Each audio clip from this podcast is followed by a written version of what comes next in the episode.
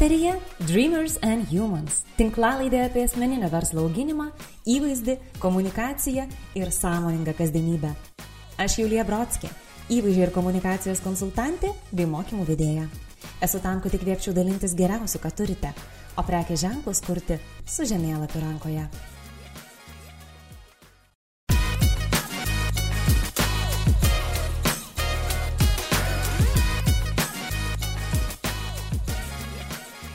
Tai sveiki visi, mėly klausytojai ir sveikinuosi šiandien su jau antrą kartą kalbinama pašnekovė, marketingistė Indrė Šilkienė. Labas, Indrė.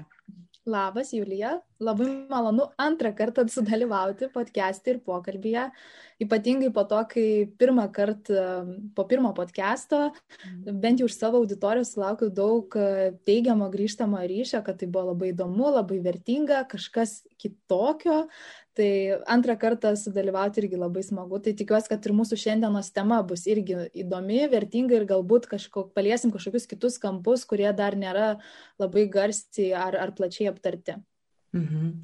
E, visiškai sutinku, žinai, e, besirašant vėlgi šitai laidai, sulaukiau kelių žinučių žmonių, kad, o, mes tikrai labai laukiam, nes labai labai norisi iš tikrųjų žmonėms tobulėti ir nuolat gilinti žinias apie komunikaciją. Ir e, tikiuosi, kad šita laida antra, bet ne paskutinė, gal netgi bus virs tokia mūsų tradicija ir galėsim e, nuolatos pasi, pasigilinti ir pabandyti, kaip aš sakau, paburti, kokia čia ta ateitis tos komunikacijos bus. Mhm. Aš irgi iš tikrųjų vakar, kai ruošiausi, tiesiog dar skaitinėjausi, ką aš ir pati esu rašęs ir galvoju, gal kažkokiu dar papildomų išvalgų atrasti, tai pagalvojau, kad nu geras, čia aš visiškai užsiemu tokiu burtininko darbu tam tikrą prasme, nes um, kaip sunku yra prognozuoti e, ir aišku, tam tikri dalykai taip, jie išsipildo ir taip vyksta, tam tikri ne, bet mhm. e, visai įdomi ta veikla, žinai, pasėdėti, paprognozuoti, pagalvoti, kokie buvo šie metai ir kokią tai įtaką gali turėti kitiem metam. Tai tiesiog labai įdomu paspėlioti. Taip. O tai Indrė, kokie tau buvo praeiti metai? Norė, norėtųsi, žinai, šiek tiek į vartotojo, į batus įlipti Mhm. ir pasi, pasireflektuoti, o gal keitėsi kažkokie įpročiai, pirkiniai ir, ir panašiai, ką pati, kaip pati save matai vartotojo kėdėje. Labai geras klausimas ir kurį, man atrodo, kiekvienas savo rinkodaristas, komunikacijos specialistas šiaip turėtų užduoti, nes mes dažnai galvojam apie vartotoją kaip apie kažkokį žmogų ir apie jo kažkokią kelionę, bet e, nepradedam nuo savęs, o kaip aš elgiausi ir, ir ką aš dariau. Tai e, mano tikrai pasikeitė per praeitus metus e, tam tikra kelionė, kaip aš ilgiuosi, ką aš darau. Ir aišku, tam didžiausias įtakos turėjo karantinas ir visa pandemija, nes tiesiog nebuvo kito pasirinkimo, kaip priprasti prie a, pirkinių online. Ir nors aš ir esu tos kartos, kur turbūt online apsipirkimai turėtų būti paprasta ir mm. čia lengva viskas, bet aš nuoširdžiai jų nemėgau, dėl to, kad man visada labiau patikdavo ateiti gyvai, pačiupinėti, mm. pasimatuoti ir, ir viskas. Ir, ir atrodo mhm. viskas taip paprasta. A, tai turėjau perlipti per save ir susitaikyti su tuo, kad dabar turiu pirkti online turiu pirkti socialiniuose tinkluose, kartais netgi ir šitą dalyką tenka daryti. Tai tikrai dėl to sakyčiau, kad atradau naują kampą, kurio iki tol net neįsileidau savo gyvenimą, tokią naują, uh, naują kelią, kaip aš galiu įsigyti ar ne produktus, kaip aš, kaip aš galiu nusipirkti.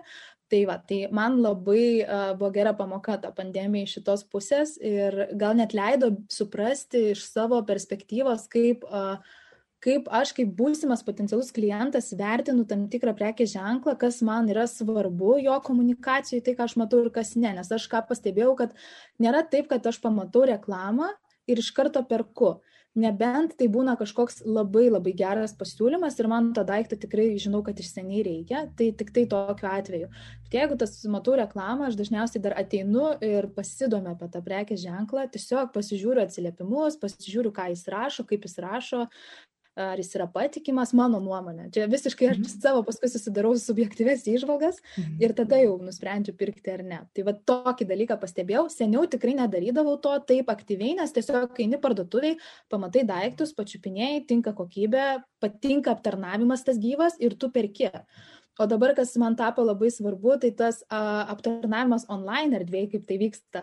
Ir a, ką pastebėjau, kad vieni prekės ženklai labai gerai prisitaikė, o kiti labai neprisitaikė ir, ir čia daug iššūkių kilo man kaip vartotojai su jais susikalbėti.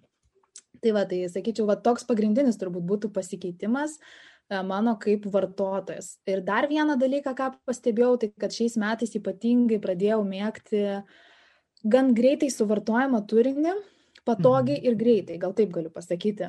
Nes, pavyzdžiui, tikrai daugiau dėmesio pradėjau skirti podcastam, tikrai nebežiūriu YouTube video nufilmuotų kažkokių, arba, tai, arba tiesiog pasileidžiu, bet klausausi kaip podcast'o.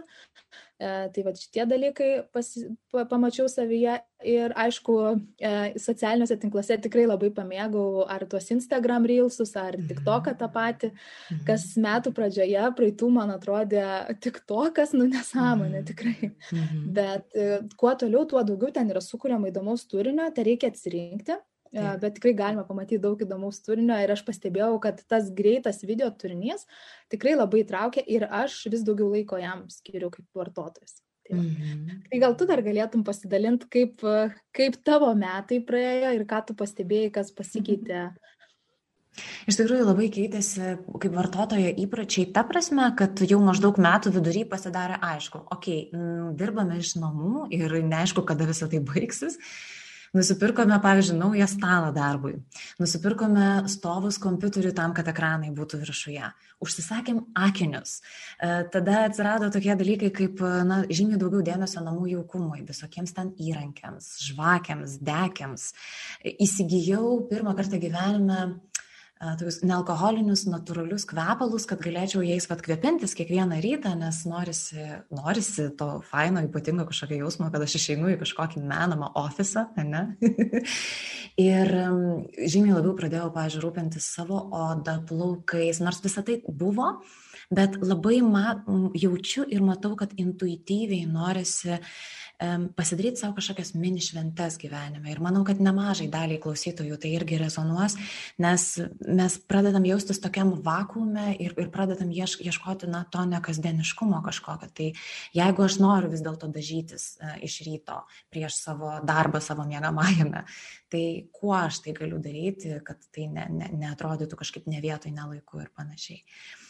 Ir um, Manau, kad e, būtent šiemet tikriausiai ir dauguma prekės ženklų pastebėjo tie, kurie veikia šitose sritise, namų jaukumo sritise, namų drabužių sritise ir panašiai, kad e, jie neblogai kai kurie adaptavosi prie to ir, ir toliau adaptuojasi. Vat taip, aš irgi įsigijau tokių fainų aprangų, su kuriamis man smagu dirbti tai irgi visiškai negirdėtas, nematytas dalykas, bet kurie yra patogus, laisvi, bet jie mane džiugina ir kuriuos aš, pavyzdžiui, vakare, kokią 5-6 valandą baigdama darbą, nu, persirengiu, ne?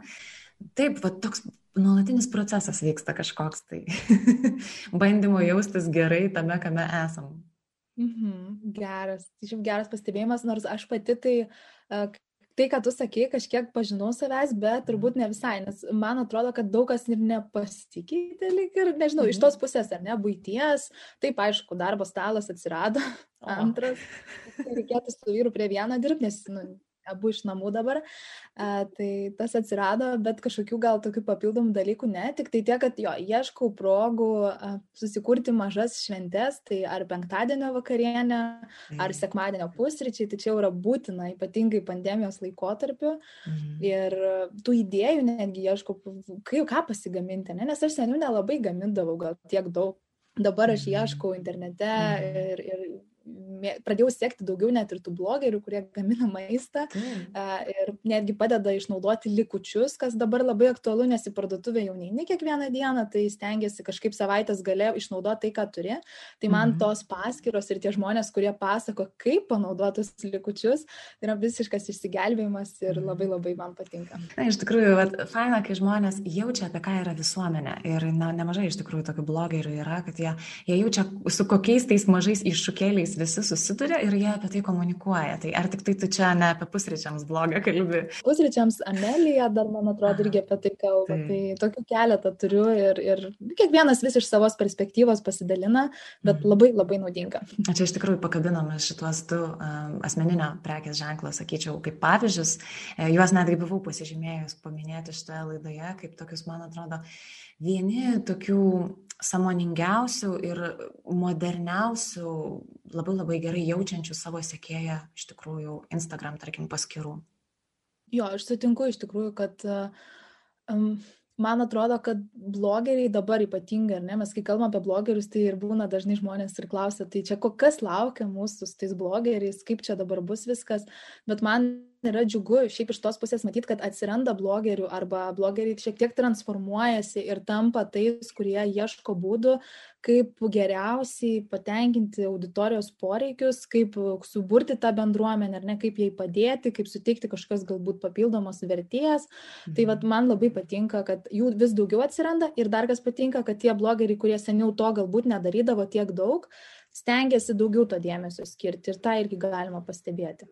Galbūt mes galėtumėm ir giliau panagrinėti šitą klausimą. Būtent vienas iš žmonių klausimų šitai tinklalaidai buvo, kokios galėtų būti asmeninio prekės ženklo kūrimo, komunikavimo tendencijos šiais metais. Tai galim pasidalinti, ką kiekviena galbūt atradome. Aš gal norėčiau iš karto, aišku, pastebėti tokį dalyką, kad asmeninio prekės ženklo tema Lietuvoje yra ganėtinai jauna ir uh, aš sakyčiau, kad pastebiu gan daug skirtumų tarp to, kaip yra kalbama Lietuvos rinkoje ir užsienio rinkoje, ne, tai ir tendencijos labai ryškiai skiriasi. Tai, pavyzdžiui, man atrodo, kad Lietuvoje dabar vis daugiau e, kalbam apie tai, kad asmeninis prekės ženklas tai jokių būdų nėra kūryba, nes tai nėra verslo prekės ženklas, nes verslo prekės ženklą taip mes kūrėme, sėdim, ar ne, kažkokią koncepciją, misiją, bet asmeninis prekės ženklas tai nėra kūryba, o tai yra tiesiog vystimas ir stiprinimas to, ką tu turi savyje stipriausio. Ir man labai smagu matyti, kad vis daugiau yra išaukštinamas šita skirtis, ne, kad mes sakom, kad ne kurti, bet vystyti ir stiprinti. Tai uh, dėl to, man atrodo, tas čia yra susiję ir su autentiškumu, ar ne, kad atskleisti, mhm. kokie mes esam. E, ir tas labai labai džiugina ir man atrodo, kad net ir žmonės tai labai vertina. Pavyzdžiui, man teko girdėti, kad tikrai daug kas labai pradėjo vertinti Betą Nicholson, ar ne? Mhm. Kodėl? Todėl, kad žmonės ir sako, aš jaučiu iš jos tikrumą, aš jaučiu tą nesuvaidintą realybę, kurią aš matau ir man yra labai gera tai matyti. Ir man atrodo, kad bet yra puikus pavyzdys, kaip tu e, turėdama socialinius tinklus ir didelę bendruomenę, tu nekuri, bet tu tiesiog e, vystai ir stiprini tai, kas tu esi ir tu atskleidi kiekvienų įrašų, kiekvienų turinio vienetų savo kažkokias stiprybės. Tai vad, sakyčiau, tokį dalyką pastebėjau. Gal tu dar kažką pastebėjai? Pagal tai, kaip aš pati jaučiuosi ir ką stebiu iš socialinių tinklų arba tiesiog bendraudama su žmonėmis, labai ryškėja toks vartotojo poreikis, ypatingai po 20 metų ir to viso nesaugumo, netikrumo ir panašiai. Poreikis tokiam saugumui, poreikis, e, kad noriu jausti, kad manim yra pasirūpinama, kad mane supranta, kad mane girdi, kad mane atliepia. Ir man atrodo, vat, tam tikri asmeniniai prekių ženklai, netmetant ir tos pačios betos, iš tikrųjų yra apie tai, kad jeigu jie sugeba sukurti va, tą tokį jausmą, kad e, klientas yra tas, kuo aš noriu pasirūpinti, ką aš noriu vesti, arba kai jam iškyla kažkokios problemos, e, jas jam išspręsti. Ir jeigu sugebu tai meistriškai komunikuoti, tai iš tikrųjų labai labai didelė sėkmė iš to ateina. Mat mes daug šnekėjom apie autentiškumą. Bet dabar žiūrėk, Indrė, ar tik tai mes nenukeliavom į tokį truputėlį kitą polį, kur su to autentiškumu a, kartais galbūt netgi yra peržengiamos tam tikros lasdos. Nu, pavyzdys, nu, tarkim, visai patiko man prieš savaitę ar porą pasirodęs Bernardinuose straipsnis apie aš sergus depresija, sekite mane Instagrame kažkas tokio. Yra nemažai žmonių, kurie nuolat viešai kalba apie savo psichologinius sutrikimus, galbūt psichologinės veikatos visokius ieškojimus, pagyjimus. Ir e, grubiai tariant, tai tarkim tiek Lietuvoje, tiek užsienyje tikrai daug tokių pavyzdžių, kur žmogus įsijungia telefoną ir ar apsiverkia pasakodamas savo gyvenimo iššūkius. Ar jeigu neapsiverkia, tai tiesiog apie tai skundžiasi, dalinasi ir panašiai. Tuo tarsi ir norima transliuoti tam tikrą autentiškumą, savo pažeidžiamumą, norisi atrodyti skaidriems, norisi priartėti prie savo sėkėjo ir paprasto žmogaus ir panašiai, tarsi nenudailinant savo gyvenimo, bet tiesiog irgi keliamas yra toksai klausimas, ar mes netampam tais vadinamaisiais tokiais depresijos influenceriais ir, ir panašiai, kurie e, galbūt netgi, na, šiek tiek naudojasi taip taip čia irgi labai geras pastebėjimas ir kaip tik vakar aš varčiau dar Seth Godin knygą mhm. ir jis ten kalbėjo apie autentiškumą ir ką jis pasakė, kad apskritai to tikro autentiškumo vystant prekės ženklą net negali būti. Čia jo tokia nuomonė nebuvo. Mhm. Bet man tai sukėlė tokių papildomų minčių, nes mes atrodo tiek daug kalbėjom 20 metais apie tą autentiškumą ir dar atsiverčiau 20 metų tendencijas, ką aš buvau užsirašius, kad asmeninio prekės ženklo vystime autentiškumas yra svarbiausias žodis, ar ne? Ne? Ir aš visada tuo kaip ir tikėjau, kad autentiškumas svarbu, bet vat, vienas autorius iškelia idėją, kad iš tikrųjų tai net negali, nėra tokio dalyko kaip autentiškumas asmeniniam prekės ženkle, arba jis negali būti pilnai išreikštas, nes vienokiu ar kitokiu atveju tu e, vystai komunikaciją siekdamas kažkokio tikslo. Ir dažnai tu tą autentiškumą pritempi, kaip tau patogiau. Ar tau patogiau verkti, ar ne, ar tau patogiau skūstis. Ir nu, toksai mm. gaunasi, kad visgi kiek tu esi tikrai tas autentiškas. Ir aš atsakymą į šitą klausimą nežinau, bet e, man patinka vis pasvarstyti ir pagalvoti, kiek iš tikrųjų tame autentiškume yra to autentiškumo. Ir, ir mhm. kiek mes, kai dirbam ar ne su prekės ženklais ir akcentuojam, kad tai yra svarbu, kiek tai yra įmanoma įgyvendinti. Ne? Ir, ir va dėl to, kad tu pasakoji apie tą straipsnį, tai a, aš ką pastebėjau šiais metais tą tendenciją tokią, kad iš tikrųjų pradėjo tos paskiros sulaukti ir žmonės daugiau dėmesio, kurie a, dažniau apsiverkia, susigaudina, parodo savo net tas tikrasias emocijas. Mhm. Ir viena vertus atrodo, kad žmonėms tai patinka, ką rodo mhm. bent jau ar ne tų profilių augimas, nes tie profiliai neauktų, jeigu tai žmonėms nepatiktų. Bet kita vertus, aš manau, vėlgi ateis riba, kai žmonėms tai truputėlį pabos ar ne ir sakys, tai kiek čia gali būti tos, uh, nežinau, depresijos ar blogos nuotaikos ir tada vėl perės prie to idealistinio turinio. Tai čia yra tokia, atrodo, slidi riba ir aš net pati galvoju, kaip visa tai baigsis, nes dabar šiuo metu, kai kalbam, tai man atrodo tikrai yra tas trendas, kad verkim mhm. ar pasiskuskim šiek tiek, ar ne, ir, nu, nes mes parodom tikrai save. Mhm. Jau mhm. žmonėm atsibodo tos dirbtinės šypsenos. Bet kita vertus, man tada irgi kyla klausimas, kada ateis ta riba, kai žmonės sakys, nu bet jau gal sustokim, nes čia per daug jau to yra, ar ne? Tai vat, labai įdomu. Man žinai, kodėl atrodo, kad taip nutinka. Ir mhm. nujaučiu, kad susitiksi su mano nuomonė. Vėlgi, virtualioje erdvėje labai labai daug yra nuolatinių patarinėjimų apie tai, tai kaip komunikuoti. O va šiemet daugiau kreipkim dėmesį į tai. O tas jau atsibodo ir panašiai. Ir netgi ir su to pačiu autentiškumu, man atrodo, jeigu įsivestumėm į Google, rastumėm krūvas patarimų, kaip tapti labiau autentišku. Dabar kas nutinka, jeigu mes tų patarimų prisiklausom ir mokymų pereinam krūvą, tas mūsų autentiškumas vėl palenda po kažkieno sugalvotais rėmais ir penkiom instrukcijom, kaip tą autentiškumą iškomunikuoti. Tai apie ką mes galim kalbėti, jeigu mes vėl einame pagal kažkieno tai pastatytas taisyklės. Man atrodo, kad nėra kažkaip galutinio taško, kur yra tas mano savitumas ir mano va, tikras, tikras aš ir belieka tik tai nuolatos ieškoti būdų, kaip a, tą savo komunikaciją, žodį, vaizdą padaryti maksimaliai manimi. Mhm. ir aišku, čia yra ir balansavimas tarptų taisyklių ir netaisyklių ir man atrodo, kad kūrybiškiam žmonėms čia labai įdomus procesas. Taip, taip, čia yra labai mhm. įdomus ir sudėtingas procesas. Uh mhm. -huh. Nežinau kaip tau, bet man, pavyzdžiui, dirbti su asmeniniais prekės ženklais yra sunkiau, nes mhm. tai reikalauja, net nežinau, kūrybos, taip, kažkiek ir kūrybos, bet ir tokių labai, tu turi būti labai, uh, turėti daug gerų išvalgų apie tą žmogų, labai gerai jį suprasti ir perprasti, kad tu galėtum jam pasiūlyti tinkamą kryptį. Uh, nes čia atsiranda toks dalykas, kad viena vertus mes, kai kalbam apie asmeninį prekės ženklą, mes kalbam apie autentiškumą, kas reiškia aš būnu savimi, bet kita vertus tikrai dažnai žmonės, specialistai jau kreipiasi pagalbos ar ne į socialinių medijų konsultantus ir, ir tada atsiranda įsiterpia dar vienas žmogus ir kaip tada išbalansuoti tame, kad e, nepakeistum to žmogaus, ne, kad leistum jam būti savimi ir kad mhm. savo rekomendacijom tu nepadarytum jo kaip dar vieno kažkokio kito. Tai yra labai sunkus procesas ir aš nežinau, man, kai tenka palyginti darbą su asmeniniu prekės ženklu ir su verslo prekės ženklu, asmeniniam prekės ženklė aš matau tą didelį sunkumą nepakeisti kito žmogaus ir kažkaip savo rekomendacijom ar kažkokiam taisyklėm, kurios nu, vienaip ar kitaip yra tam tikros taisyklės, bet nesugadinti ir nesugriauti jo autentiškumo, kurį jis turi beveik visais tais atvejais atsitrenkiam į tokį sąmoningumą, į tokį kažkokį balanso paiešką ir, ir pats iš tikrųjų asmeninis prekės ženklas tikriausiai turi nuolatos ir reflektuoti ir tikrinti save, tikrinti savo jausmą, nes mesgi žmonės ir mes juk ir keičiamės nuolatos iš tikrųjų. Tai čia mhm. joks brandbukas negalios šimtą metų.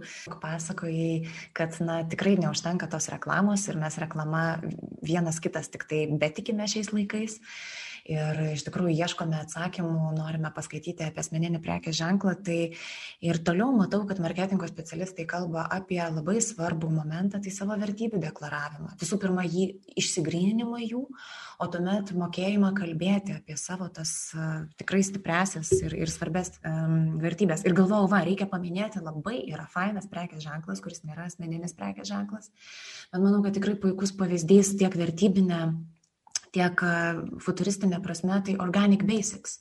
Apatinio mhm. ir namų trikotažo gamintojai. Tai jie iš tikrųjų sugeba kalbėti apie tai, kodėl jie yra, dėl ko jie yra ir tas savo vertybės, kurios yra susijusios tiek su body positivity, tiek su tolerancija, jie visai kaip įmanoma į paustais tai deklaruoja ir į savo komunikaciją įtraukia ir savo sekėjus, klientus, gerbėjus ir, man atrodo, tada toks gaunasi gražus dvipusis dialogas, kuomet komunikuojama ne vien tik tai, kaip sako, one way marketing, bet jis tampa iš tikrųjų dvipusių eismų tokiu. Atrodo, kad Lietuvoje aš irgi pastebėjau, kad dabar mes vis daugiau kalbam, ne, kad reikia turėti savo vertybės. Taip, tai buvo kalbėta, bet man atrodo, gal dabar žmonės labiau atsižvelgia į tai. Gal jie dabar supranta labiau to prasme, nes tikrai rinkodaros specialistai jau iki tol buvo kalbėję, kad vertybės, tas kodėl, ta misija, tas tikslas yra labai svarbu. Bet man atrodo, tik dabar e, patys verslai pradeda tai suprasti, nes mato, aišku, geruosius pavyzdžius. Tai čia, aišku, toks visiškai masinis prekės ženklas, bet jisai, man atrodo, buvo tas pradininkas, kuris visiems galiausiai įrodė, kaip svarbu turėti savo misiją, savo tikslą, net jeigu tas tikslas tikslas tiesiog yra tam, kad tu parduotum savo produktus, tai yra DAV, ar ne? Mhm. Kai jie padarė e, visą, visą tą pokytį ir, ir pradėjo kalbinti moteris, pradėjo apie tą ir apie body positivity kalbėti, ir apie meilę savo. Ir iš tikrųjų tai buvo didelis prekės ženklas, jis padarė didelį pokytį, jam po to ir iki šiol gerai sekasi, nors tai yra masinis prekės ženklas ir kiti rinkodaros specialistai sako, taip, bet jie čia tai padarė tik tai dėl to, kad padidintų pardavimus. Taip, jie tai padarė, bet tai yra pavyzdys, kad tai suveikia. Iš tikrųjų, kad žmonėms reiškia, yra svarbu, kad tai juos paveikia man tai yra tiesiog labai džiugu, kad tiek asmeniniai prekės ženklai, tiek verslo prekės ženklai e, vis labiau atkreipia dėmesį į tą, kodėl aš esu, ką aš turiu, ką aš noriu pasakyti savo auditorijai, galbūt kokį aš pokytį noriu suteikti. Ir aš manau, kad vienareikšmiškai tokie prekės ženklai, jie visada bus žingsnių priekyje, jie visada bus labai stiprus, jie aišku turės savo auditoriją, jie nebus skirti visiems, bet man atrodo tai ir yra sėkmė, kai, kai nesi visiems aiškiai žinai, kam tu esi. Tam reikia daug drąsos, bet kita vertus tai tikrai labai įvertinama yra. O Indra, turi pavyzdžių, kurie tau vat, pačiai labai imponuoja, tu su malonumu sėki asmeninius prekės ženklus su tavo manimu, tikrai stipriom vertybėm, kurios tau rezonuoja? Asmeninius prekės ženklus, tai man patinka Beta Tiškevič, pavyzdžiui. Mhm. Kaip aš, kai mhm. pagalvoju apie stiprų asmeninį prekės ženklą, tai man atrodo, kad mhm. tai, ką jinai daro pastaraisiais metais, ją tikrai labai stiprina ir atskleidžia. Beta Niklus, ant kurią minėjau, tai nu, mhm. lygiai taip pat jinai yra uh, tiesiog išsiskirianti ir ne, iš kitų ir neveltui išsiskirianti, nes man atrodo, jinai turi puikų pamatą savo asmeninio prekės ženklo. Uh, bet tuo pačiu e, neužgožia savęs tame, kas man yra irgi puikus pavyzdys, aš net pati, kai savo asmeninį prekės ženklą vystau, aš tiek iš, bet, tiek iš vienos, tiek iš kitos betos, va, abi betos, taip sutapo, e, pasisėmiu puikių, puikių idėjų ir gal tokių išvalgų, kaip aš turėčiau elgtis, ar ne, kaip išlikti savimi, nepaisant to, kad visuomenė gal kažko kito reikalauja kartais, ar ne, ten nudailintų nuotraukų ar dar kažko. Tai va, tai, sakyčiau, šitie du pavyzdžiai man gal tokie yra vieni iš stipriausių, kurie šiuo metu va, atėjo į galvą. O gal tu turi dar kažką papildyti, būtent iš tų pavyzdžių asmeninių prekės ženklų?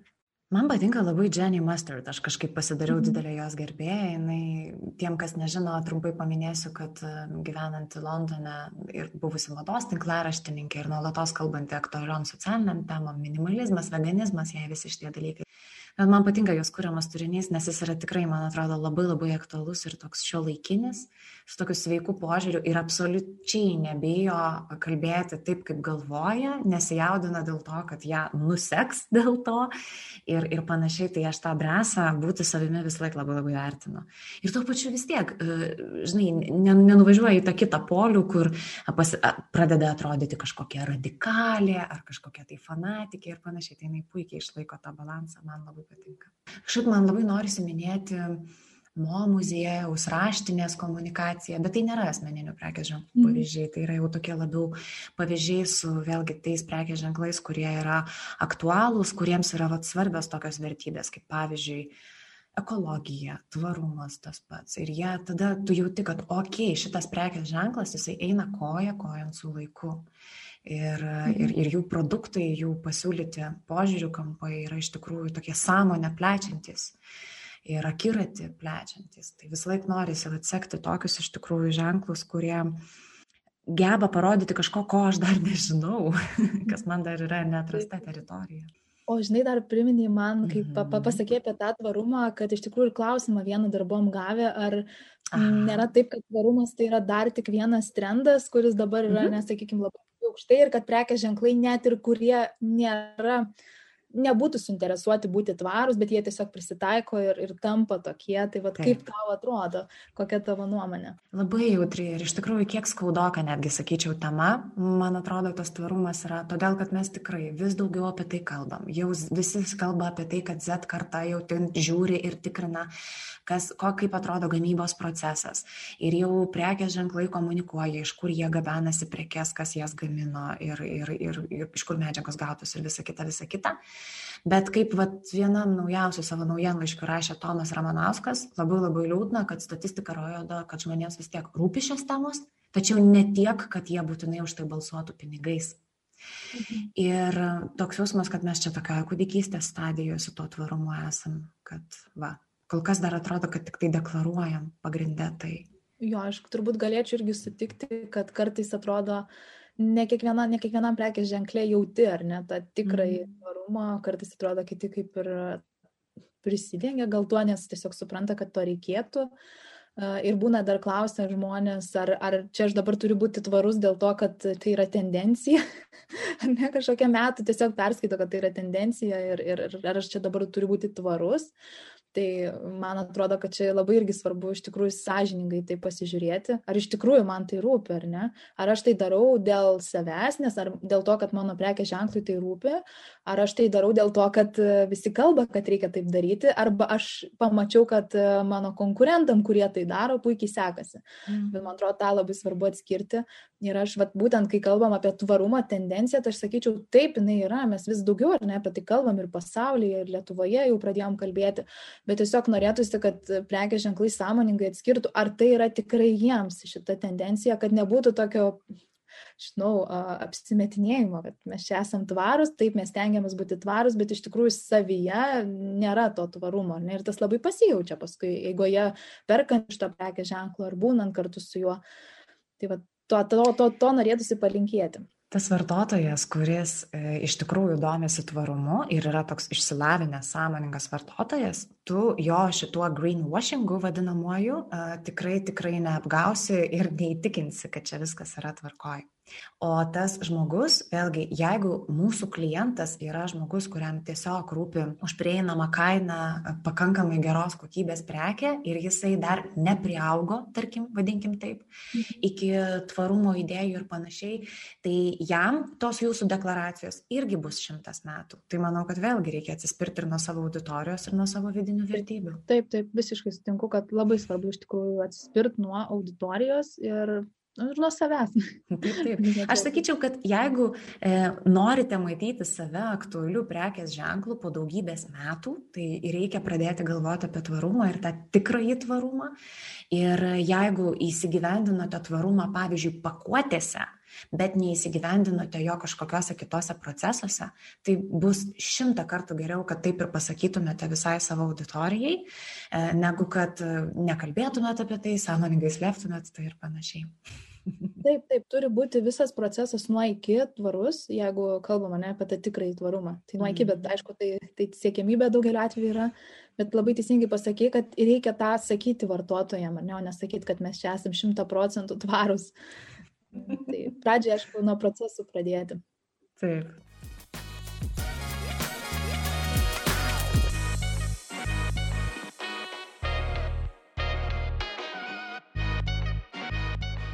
Turim klausimų apie, patiko labai šitas, ar patarimų traukinys, ar patarimų dalinimo traukinys jau nuvažiavo. Mes jau kalbėjome apie tai su tavim rudenį. Jo, jo, tikrai. Nu, mes kalbėjom, e, turbūt pabrėžiam tai, kad ta mintis iš tikrųjų daugeliu patiko, nes dalinas, mačiau žmonės, kad e, ne tik e, edukacinį turinį mes turim kaip tokią formą, ne? mes turim ir kitokio, kitokių formų, tai gal tiesiog norėtųsi paminėti, kad manau, kad tas traukinys nei jis buvo labai atvažiavęs, nei jis nuvažiavo. Tiesiog mes tokiai terpiai buvom ir gyvenom.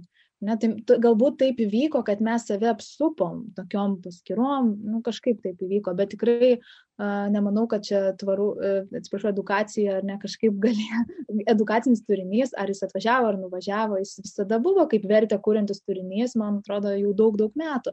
Tiesiog gal daugiau žmonių pasirinko tą turinio formą, nes, a, nežinau, ar ten mokymus išklausė daugelis tuos pačius, kur buvo liepta, ar ten sakyta, taip darykit ir tada jums seksis. Ir, nu, tiesiog, ar ne, dabar visi suvienodėjo. Tai va, bet čia nėra kažkokia naujiena, mano nuomonė, tas edukuojantis turinys. Kaip tu manai? Jo, tu kabini vėl tą temą, žinai, to tokio, nežinau, homogenizacijos, šablonizavimo, viso ko. Vis, šimtas tūkstančių žmonių nueina, pasiklauso tų mokymų ir pasidarom tokie visi šabloniški.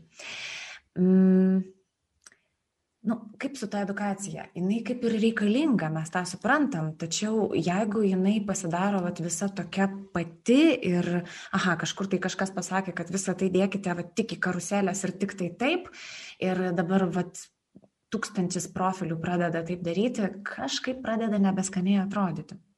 Tai man atrodo, norėdami visgi um, savo auditorijai transliuoti, kokie mes esame autoritetai kažkokioje srityje ir kaip mes esame profesionalūs joje, uh, vėlgi tikriausiai reikia ieškoti savo priimtinų būdų.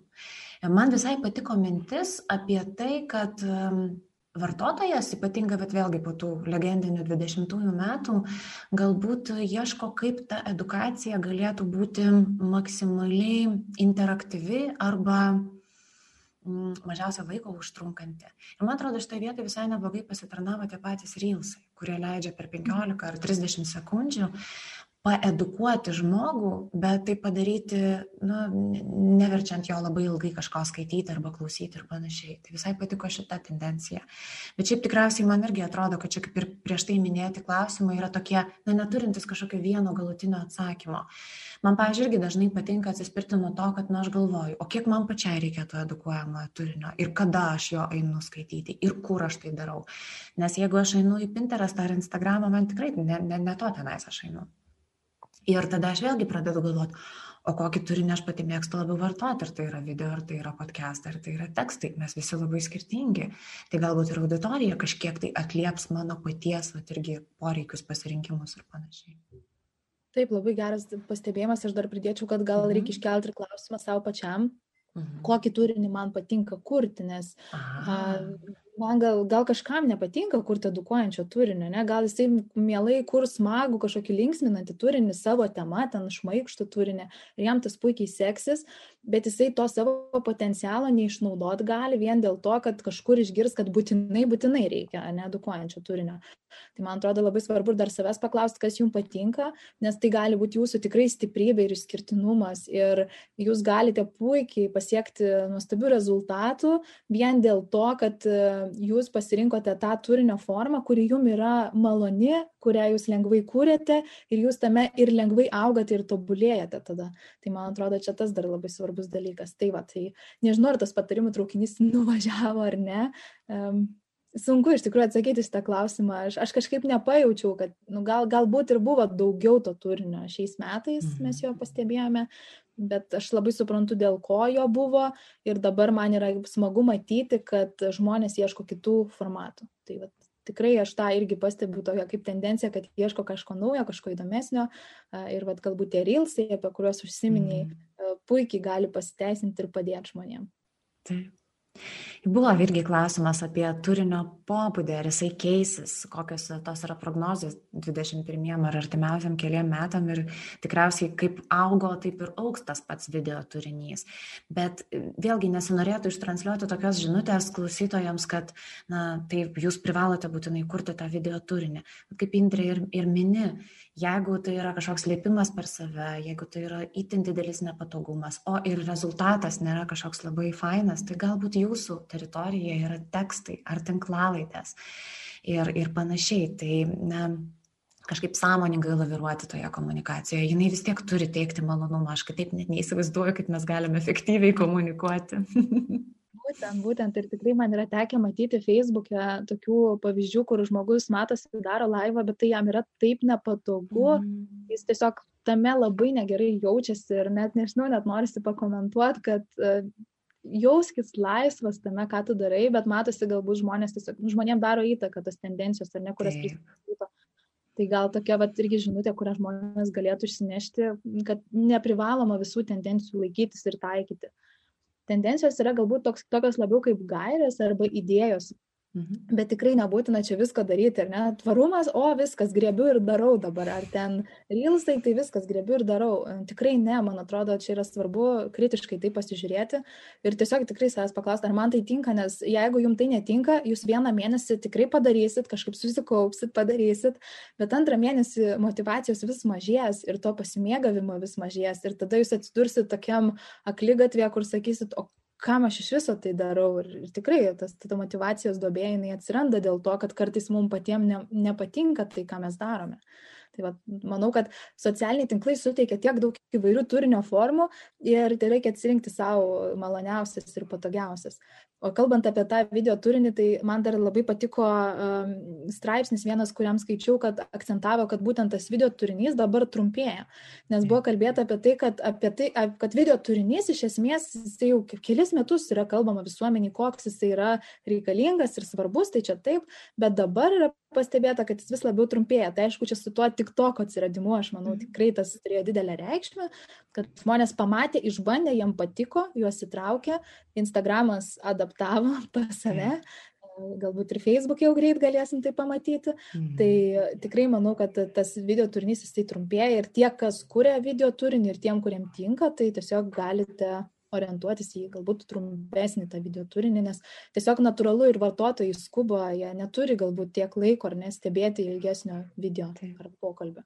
Arba apskritai galbūt jie ir samoningėja, po truputėlį matydami, kiek daug iš tikrųjų mes pradėjome leisti laiko namuose ir kažkas galbūt netgi absoliučiai nekontroliuojamą laiką pradėjo leisti prie ekranų. Tai manau, kad pasiekus tam tikrą psichologinę ar emocinę būklę, kai kurie matom, kad, okei, okay, gal aš vis dėlto norėčiau praleisti valandą tai o kaip tai padaryt gal iš tikrųjų galėčiau žiūrėti tą turinį kuris yra labai efektyviai trumpai greit mane pamoko paedukuoja paaiškina kaip daryt ir išjungiu Taip pat žmonės klausia apie tą tekstinį turinį. Tai ar jisai vieną dieną numirs ar nenumirs. Ir aš tada, žinai, tokiais atvejais visą laiką prisimenu uh, tokius rašytojus kaip ten Ilze Butkutė, Karolis Žukauską, kas ten dar, Mahila blogas, rašo paklodės. Uh, ir ten tūkstančiai, keliasdešimt tūkstančių laikų, komentarų ir panašiai. Tai kažkaip vis laik norisi parodyti va tokį va atsakymą, kaip jūs galvojat.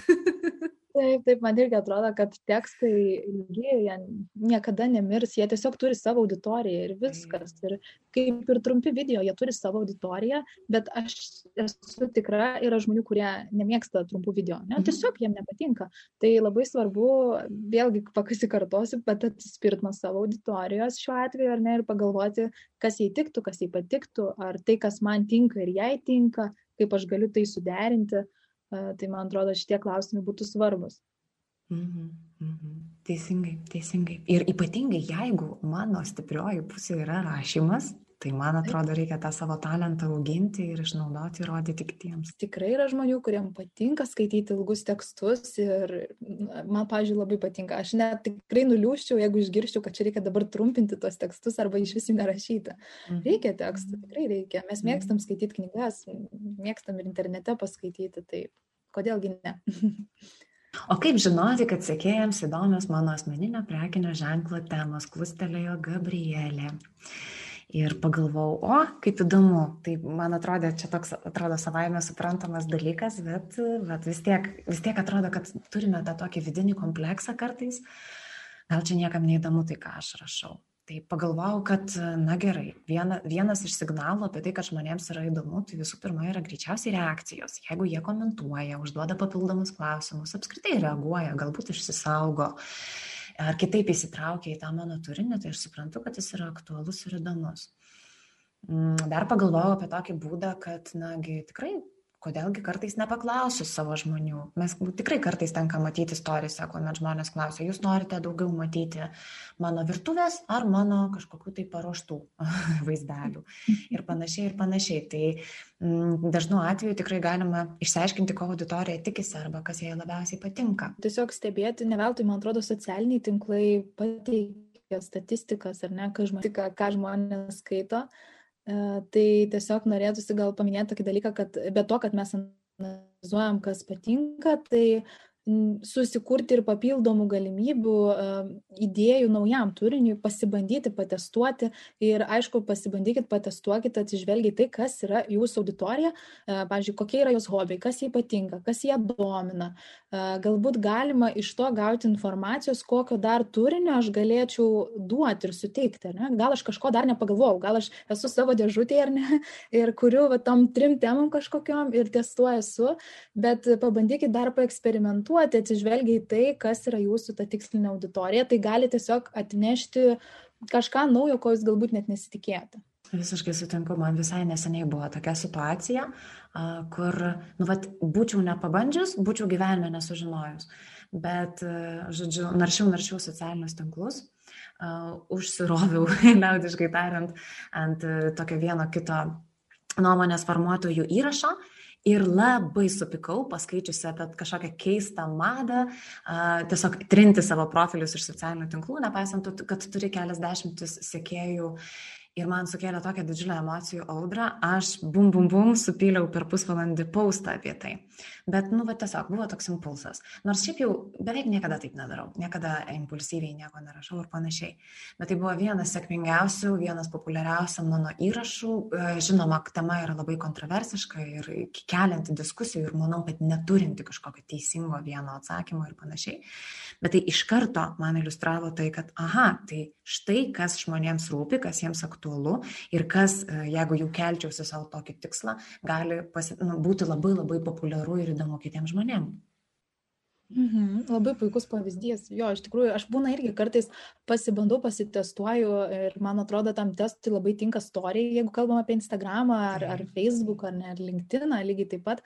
E, būna įkeli istorijos ir tu pamatai, kad yra daug reakcijų į tam tikrą temą, kažkokią naują, kurią tu pabandėjai įvesti. Mhm. Ir tada tu jau žinai, kad, okei, okay, galbūt verta tada ir įrašą padaryti ir taip po truputėlį žiūri, ne, kaip auditorija reaguoja, kokie formatai yra tinkamiausi, nes vėlgi kiekvienai temai galbūt formatai reikia skirti skirtingų. Tai tiesiog analizuoti, eksperimentuoti, aš tikrai siūlau nebijoti to, jeigu ir su kažkokiu vienu įrašu, na, nepasiseks, žmonės nereaguos ir nieko tokio. Nieko tai jūs tokio. turite išbandyti, nes jūs turite žinoti.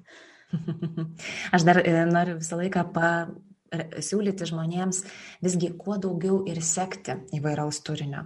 Todėl, kad kuomet mes sekam visokiausių, įvairiausių sričių žmonių, mums kartais ima ir susigeneruoja patiems visiškai netikėtos idėjos. Mes pamatom, kad kažkas tai komiksus paaišo savo storise ir užsiklikina kažkas tai, ką aš galbūt irgi galėčiau įdomaus daryti. Nereiškia, kad kopijuoju, bet galbūt kitų kampų galiu pasižiūrėti savo visą komunikaciją ir savo asmeninį prekės ženklą. Tai kitaip tariant, ir vartoti to turinio ten tenka, norint kažkaip tai progresuoti. Taip, tai būtinai. Ir čia, kai kalbam apie tą turinio vartojimą, tai man atrodo labai svarbu, jeigu jūs norite turėti tų idėjų ir, ir mhm. turėti minčių, apie ką galite rašyti, tai vėlgi, ne, aišku, socialiniai tinklai svarbu, jūs ten sekite paskiras, aišku, neapsiribokite vien tik tai Lietuvos rinką, išykite plačiau, tas ten tikrai atsiveria klodai informacijos ir turinio ir kiek ten įkvėpimo daug, bet lygiai taip pat, ką, kas man padeda, tai nežinau, kartais dabar, aišku, nelabai galima, bet nueiti tą patį mo muziejų ne, nu kažkur į mhm. muziejų, nu, teatrą, į spektaklį, e, nors atrodo, kaip tai gali būti susiję ar ne su socialiniu tinklu, bet būna kartais tu ateini ir pamatai ir galvoji, o geras, o čia mintis, gera tema ir tada tu galvoji, galvoji apie tą temą ir sugalvoji, kaip tu iš savo pusės galėtum, ar ne, ją papasakoti, užsiminti apie ją.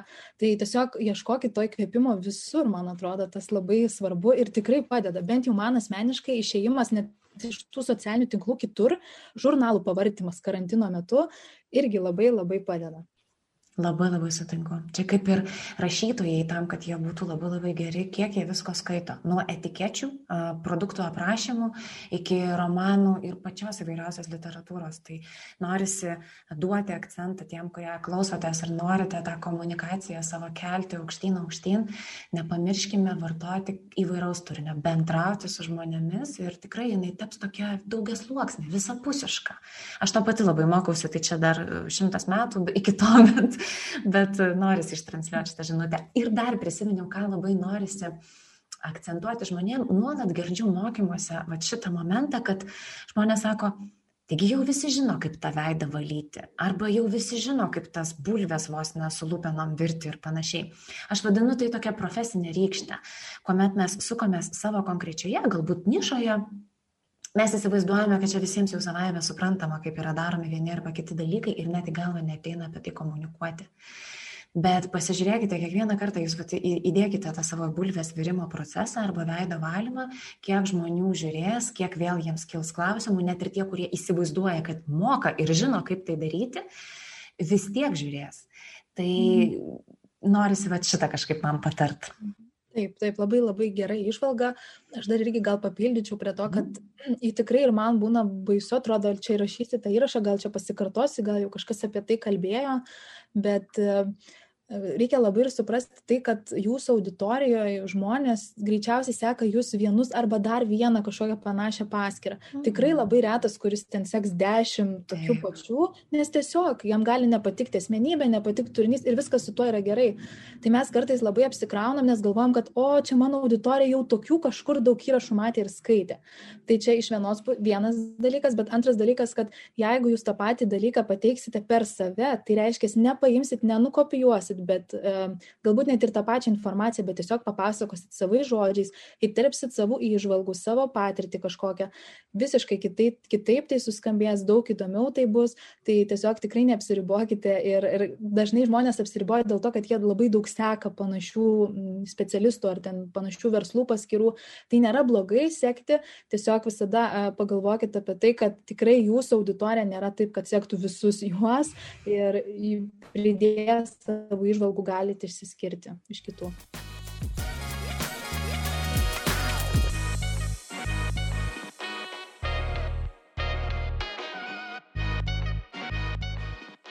Norėčiau dar pabaigai pakabinti klausimą apie elektroninę priekybą. Šiek tiek kalbėjom apie tai jau pradžioje.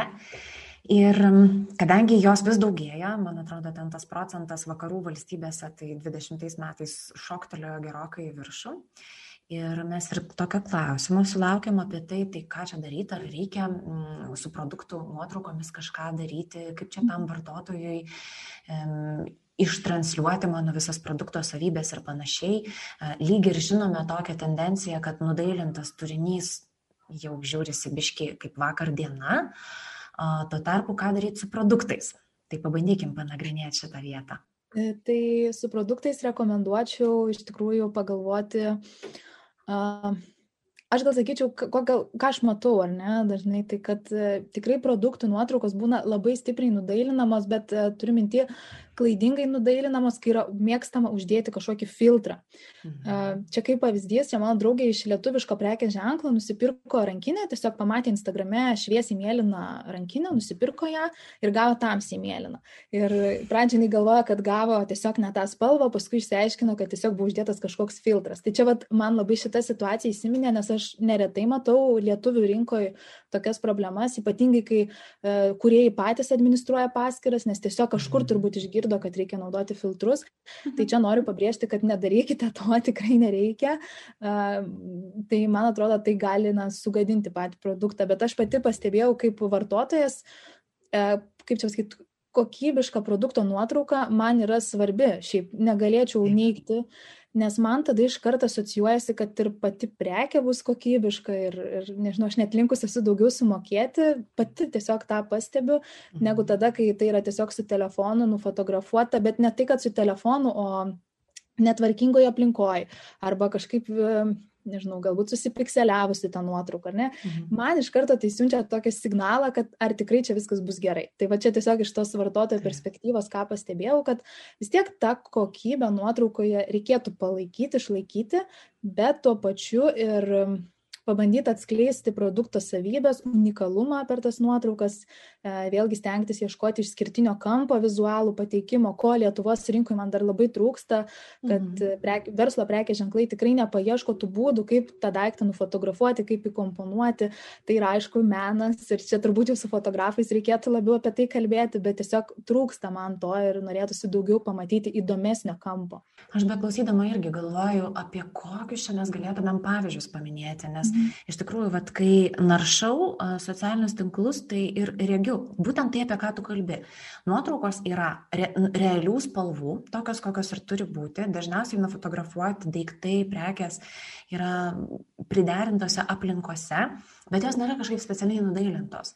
Ir iš tikrųjų prekės ženklai stengiasi ką padaryti? Ištranšiuoti visą tai, kas galėtų būti svarbu pirkėjui. Pavyzdžiui, būtinai sudedamosios dalys. Jeigu gali, aprašo procesą, iš kur išgauta medvilnė ar kažkokia tai sudėtinė kosmetikos dalis ir panašiai. Bet e, smagu, e, jeigu tie prekės ženklai, na, nes, nes, nesimato plika akim, kad tai yra kažkaip nudailintas turinys ir kažkas mm -hmm. su juo yra daryta.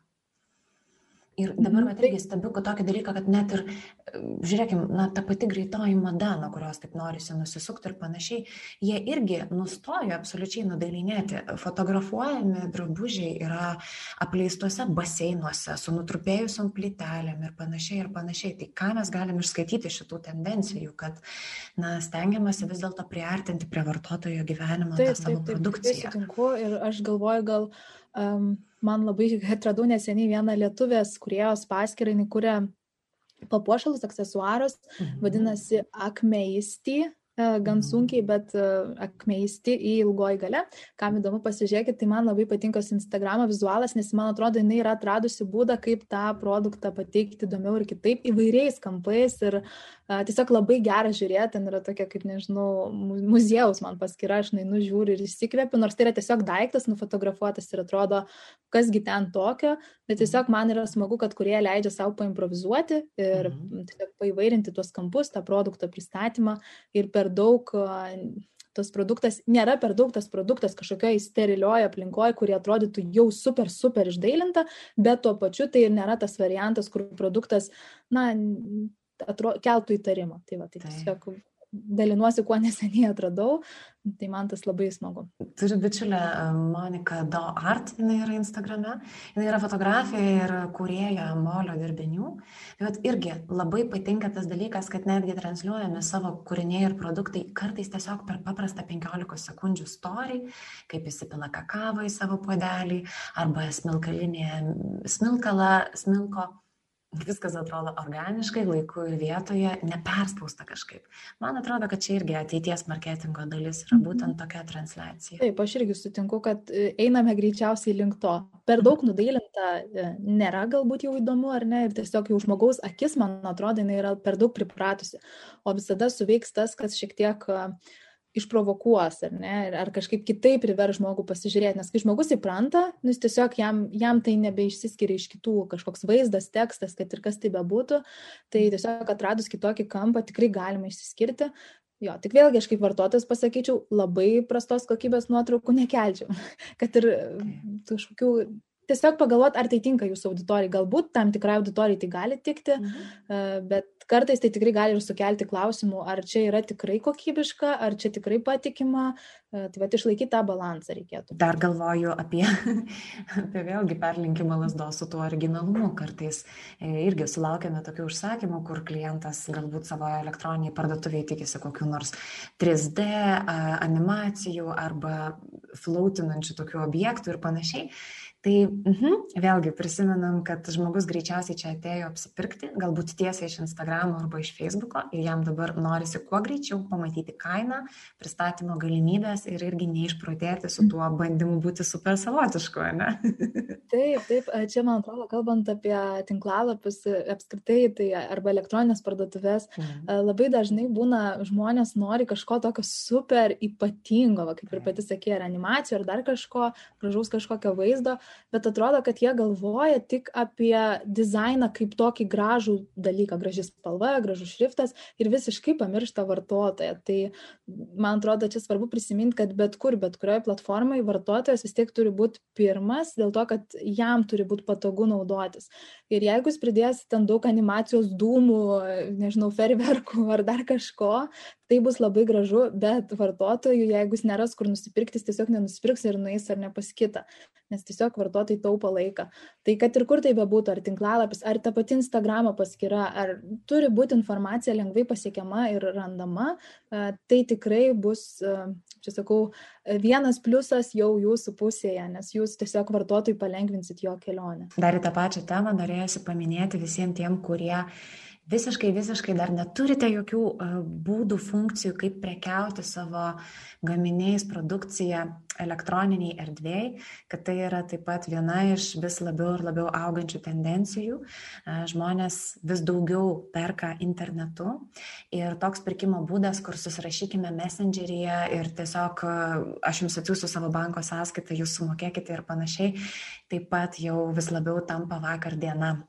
Ir mhm. su vis naujom funkcijom, kurias dėgiasi tiek Facebook, tiek Instagram, tiek kitos platformos, leidžiančiam naršant ir tiesiog per story, žiūrint į jūsų e, produkciją, iš karto imti ją ir įsigyti, tai yra, yra vėlgi ateities visuomenės dalis ir reikia prie to prisitaikyti. Taip, visiškai sutinku, tikrai dabar e, kalbama, kad būtent ateinančiais metais tas apsipirkimas socialiniuose tinkluose auks ir poreikis auks, ir pardavimai tenai auks, tai tiesiog jeigu turite produktus, tai jums reikėtų tai susitvarkyti, įsidėkti, susikurti tas parduotuves ir, ir tikrai vengti tų tokių dalykų, kad kainą pasakysiu asmeninė žinutė ir tada asmeninė žinutė reikia ten tartis ir taip toliau.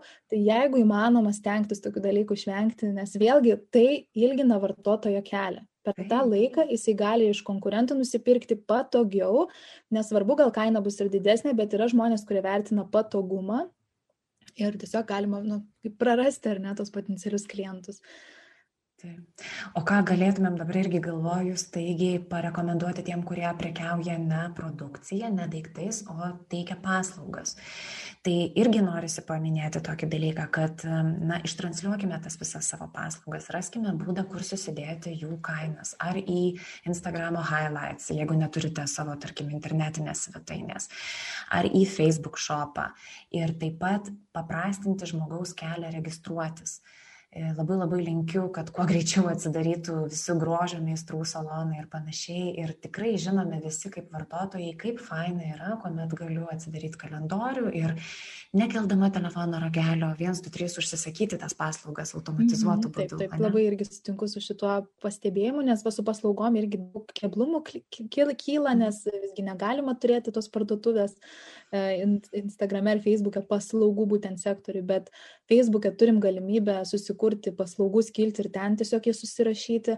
Ir mhm. aišku, tikrai sutinku su tuo, kad stengtis jas paminėti visur, kur tik įmanoma, kad bet kur, kur vartotojas jūs atrastų, jis galėtų paprastai jas, jas pažinti ir galėtų išsirinkti. Ir jeigu įmanoma, labai rekomenduoju parašyti ir kainas, todėl kad jūs prarandat daug užklausų, jeigu neskelbėt savo kainų. Aš aišku suprantu, kad yra tam tikrų profesijų, kur neįmanoma, nežinau, individualus siuvimas, tarkim, ar ne. Mhm. Galbūt ir nėra įmanoma tikrai, bet bent jau tada kainos rėžus reikėtų nurodyti, kad žmogus suprastų, ar tai tikrai man, O gal, o gal kitas sakys, aš net nerašysiu, nes aš gal net neįpirksiu, ne? o gal mhm. visgi ta kaina ir būtų prieinama. Tai labai svarbu iš tikrųjų kainas nurodyti.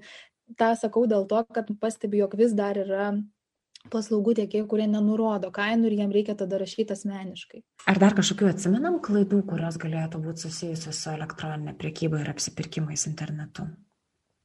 Ai, bet vienas iš dalykų, kur man vat, kartais kliūna, bet čia toks, na, vat irgi tikriausiai nėra teisingo atsakymo.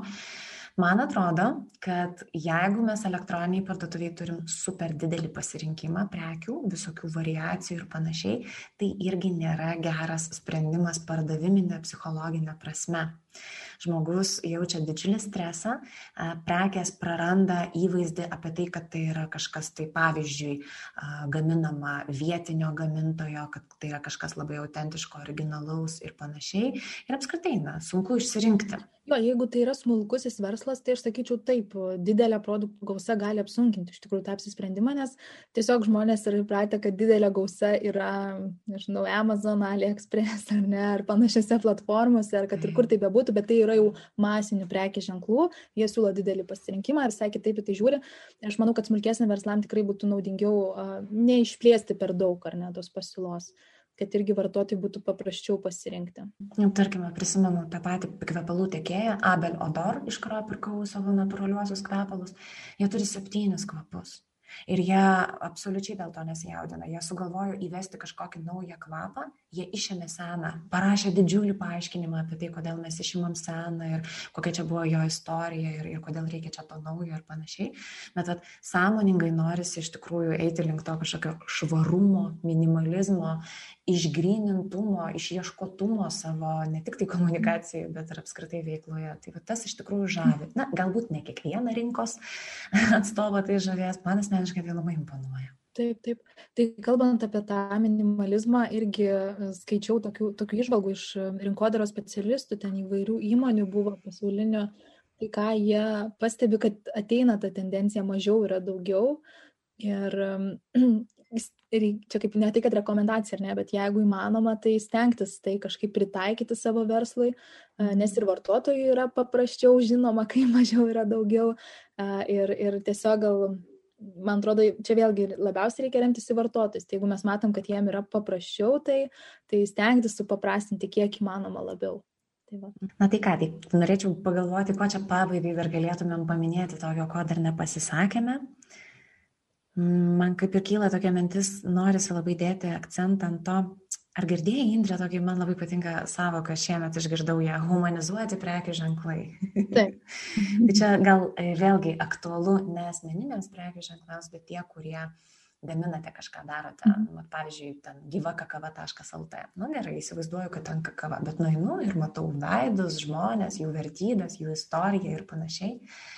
Ir norisi irgi įkvėpti jeigu dar nehumanizavote savo prekės ženklo, bet turite tam galimybę, vidinį poreikį, e, vidinę charizmą, tai tikrai, tikrai e, kažkaip transliuokite save, savo vertybės, būkite empatiški, žmonėms tai atliepia ir jie tai girdi.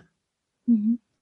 Taip, aš čia galiu papildyti, kad iš tikrųjų praeitais metais labai tapo garsi tokia savoka rinkodaros rytyje P2P, tai people to people, ar ne, ir kaip mes seniau kalbėdom B2B, B2C ar ne komunikacija, tai va šiuo atveju iš tikrųjų net ir verslas gali remtis į tą P2P ir stengtis humanizuoti, stengtis, jeigu manoma, ar parodyti darbuotojus, ar atskleisti juos, ar tiesiog pasirašyti elektroninį laišką vardu, o ne įmonės tiesiog pavadinimu. E, kiek įmanoma labiau viską personalizuoti ir tikrai tas ryšys, jisai ypatingai tapo svarbus pandemijos laikotarpiu ir čia kaip vartotoja galiu patvirtinti, nes aš nebegaliu ateiti parduotuvę ir gyvai pabendrauti. Ne. Aš bendrauju, susirašinėjau, tai tas humanizmas ir susirašinėjant, ar ne, vis, visa tai yra labai labai labai svarbu. Tai jeigu įmanoma, siūlyčiau, kaip įmanoma labiau į tą savo komunikaciją įtraukti ir tą žmogus žmogui aspektą. Kaip faina, žinai, dabar klausiausi ir prisiminiau, kad visai naujas reiškinys atsirado šiemet Tai tie tokie gyvi, arba nebūtinai gyvi, bet nufilmuoti prekių pristatymai, kuomet, va, tarkim, yra rodoma, kad, o štai čia mūsų naujas gaminys, čia gaminam tiek ir tiek laiko ir visai kaip aplinkui nufilmuojamas. E, čia gali kažkiek priminti ir, nežinau, 90-ųjų reklamas, kur būdavo prezentacijos visokių puodų ir panašiai. Bet žiūrėk, tarsi apsisuko ratas ir grįžtam prie to, o kaip, jeigu į parduotuvę negali pasikviesti, tai žiūrėk, kiek daug atsiranda variantų ir virtualios realybės funkcijos ir vat, tokie visokie live transliacijos pristatyti vat, produktams. Įdomu. Aš mačiau Facebook'e live transliaciją vieno drabužių prekė ženklo, uh -huh. kur mhm. tas žmogiškumo faktorius tikrai labai suveikia. Man buvo įdomu stebėti ir, ir tikrai buvau ap, apšildyta. Nes buvo tikrai labai labai, labai gera matyti žmogų, kuris pasako, kuris pristatė pristato, aš jaučiausi iš namų kaip parduotuvėje ir galėjau paklausti, nu, tiesiog labai labai patogu buvo. Tai man atrodo, net ir kai baigsis pandemija, karantinas, nepamesti šių aspektų būtų, būtų gerai, nebūtų teisinga. E, ja, ir marketingistai, man atrodo, visi vieningai sutarė ties tuo, kad 21 bus labai smarkiai eksperimentiniai metai. E, sunku kažką be prognozuoti, kaip niekada sunku prognozuoti dalykus ir gyvenam tokiais virsmo laikais tai tiesiog drąsiai eksperimentuoti ir drąsiai prisitaikyti prie situacijų. Kažkas tai nutiko ir jeigu mes galim tai, į tai greitai reaguoti, valio, nes tai iš tikrųjų sėkmingi yra rezultatai. Mhm. Taip, taip, iš tikrųjų kalbama ir apie tai, kad kaip seniau įmonės ar neturėdavo verslai, turėdavo vieną krizių kažkokį planą valdymo, tai dabar to vieno nebeužtenka ir, ir jį reikia peržiūrėti, atnaujinti, ar ne, ir nuolat tą daryti. Tai aš manau, kad būtent ateinantis metai ir bus tokie, kad stengsime um, eksperimentuoti, e, visus krizių planus peržiūrėsime daug dažniau nei kad iki šiol, e, ieškosime galbūt įvairesnių krypčių, e, biudžetus taip pat nusimatysime, nebe vieną kažkokį biudžetą, bet galbūt antrą ir trečią, jeigu to prireiktų. Tai tiesiog būsime lankstesni. Tai aš manau, kad visa šita pandemija galbūt išėjo į gerą iš tos pusės, kad tikrai išmokė daugiau lankstumo. Tai mm. man, mane tas labai džiugina. Indra, ar sugalvojai šių metų savo kokią nors tikslą asmeninį komunikacijos arba savo asmeninio prekės ženklo viešinimo kontekste? Turiu keletą tikslų, kurie galbūt labiau susiję su mano pomėgiu mokyti kitus, mhm. vesti paskaitas, seminarus. Tai labai tikiuosi, kad pavyks įgyvendinti, kalbu čia apie gyvus gal labiau seminarus, nes norėčiau. Tai E, tai, va, tai labai tikiuosi, kad pavyks, tai čia toks mažas tikslas, e, bet tuo pačiu man tai yra didelis tikslas. Tai va, labai sieksiu ir tikiuosi, kad pavyks gyvai e, nežinau, susitikti su auditorija ir, ir, ir gyveninti šį, šį norą ir pomėgį. O tu turi kokiu nors tikslu? Šitą tavo tikslą buvau išsikėlusi 20 metų pradžioje, tai labai labai jokingai su juo gavosi. buvo tikriausiai vieni vieninteliai mokymai gyvai įvyko mano, iš, o visa kita dėja zūna. O aš galvoju, kokiu aš, na, aš iš tikrųjų nemažai prisirašiau, norisi man daugiau kurti video turinio, nes aš jį tikrai labiau mėgstu negu tekstinį, aš kažkaip stipriau jaučiuosi su video turiniu negu tekstiniuose. Ir plus, žinai, pasižiūrėjus šių metų statistikas apie tai, kad žmonės, na tikrai, tinklalaidžių klausimasis auga visą laiką, tai suprantu, kad jo, noriu kažkaip ir toliau auginti šitą tinklalaidę ir džiaugiuosi, kad jinai žmonėms yra reikalinga. Aš tai noriu tik tai pritart, kad tavo tinklalaidė turbūt buvo man tikrai didelis atradimas, aš ją atradau dar kai keliavau po Aziją, tai uh, tiesiog būdavo labai gera pasiklausyti lietuviško balsą ir, ir, ir, ir tų specialybinių žinių, būtent lietuviškų balsų įgarsintų, tai buvo tikrai labai, labai malonu ir gera. Tai linkiu, kad ir toliau tęstum šitą podcastą, nes manau, kad jisai vis tobulėja, vis gerėja ir pokalbiai yra uh, įdo, labai labai įdomus, kai tu kalbini ne kitus žmonės, vis pasikvieti svečių, nes kai aš pradėjau klausytis, tu buvai tada viena, tai buvo įdomu, bet dabar viskas tampa dar įdomiau, nes gali išgirsti ir dar kitų išvalgų ir kažkaip išeiti iš to savo dėžutės. Tai tiesiog labai džiaugiuosi, kad atradau ir linkiu tau didžiausios sėkmės su šio podcast'o tolimesniu vystymu. Ačiū, ačiū tau Indrė, ačiū visiems, kurie klausėtės ir visiems, visiems linkiu puikių 21 metų.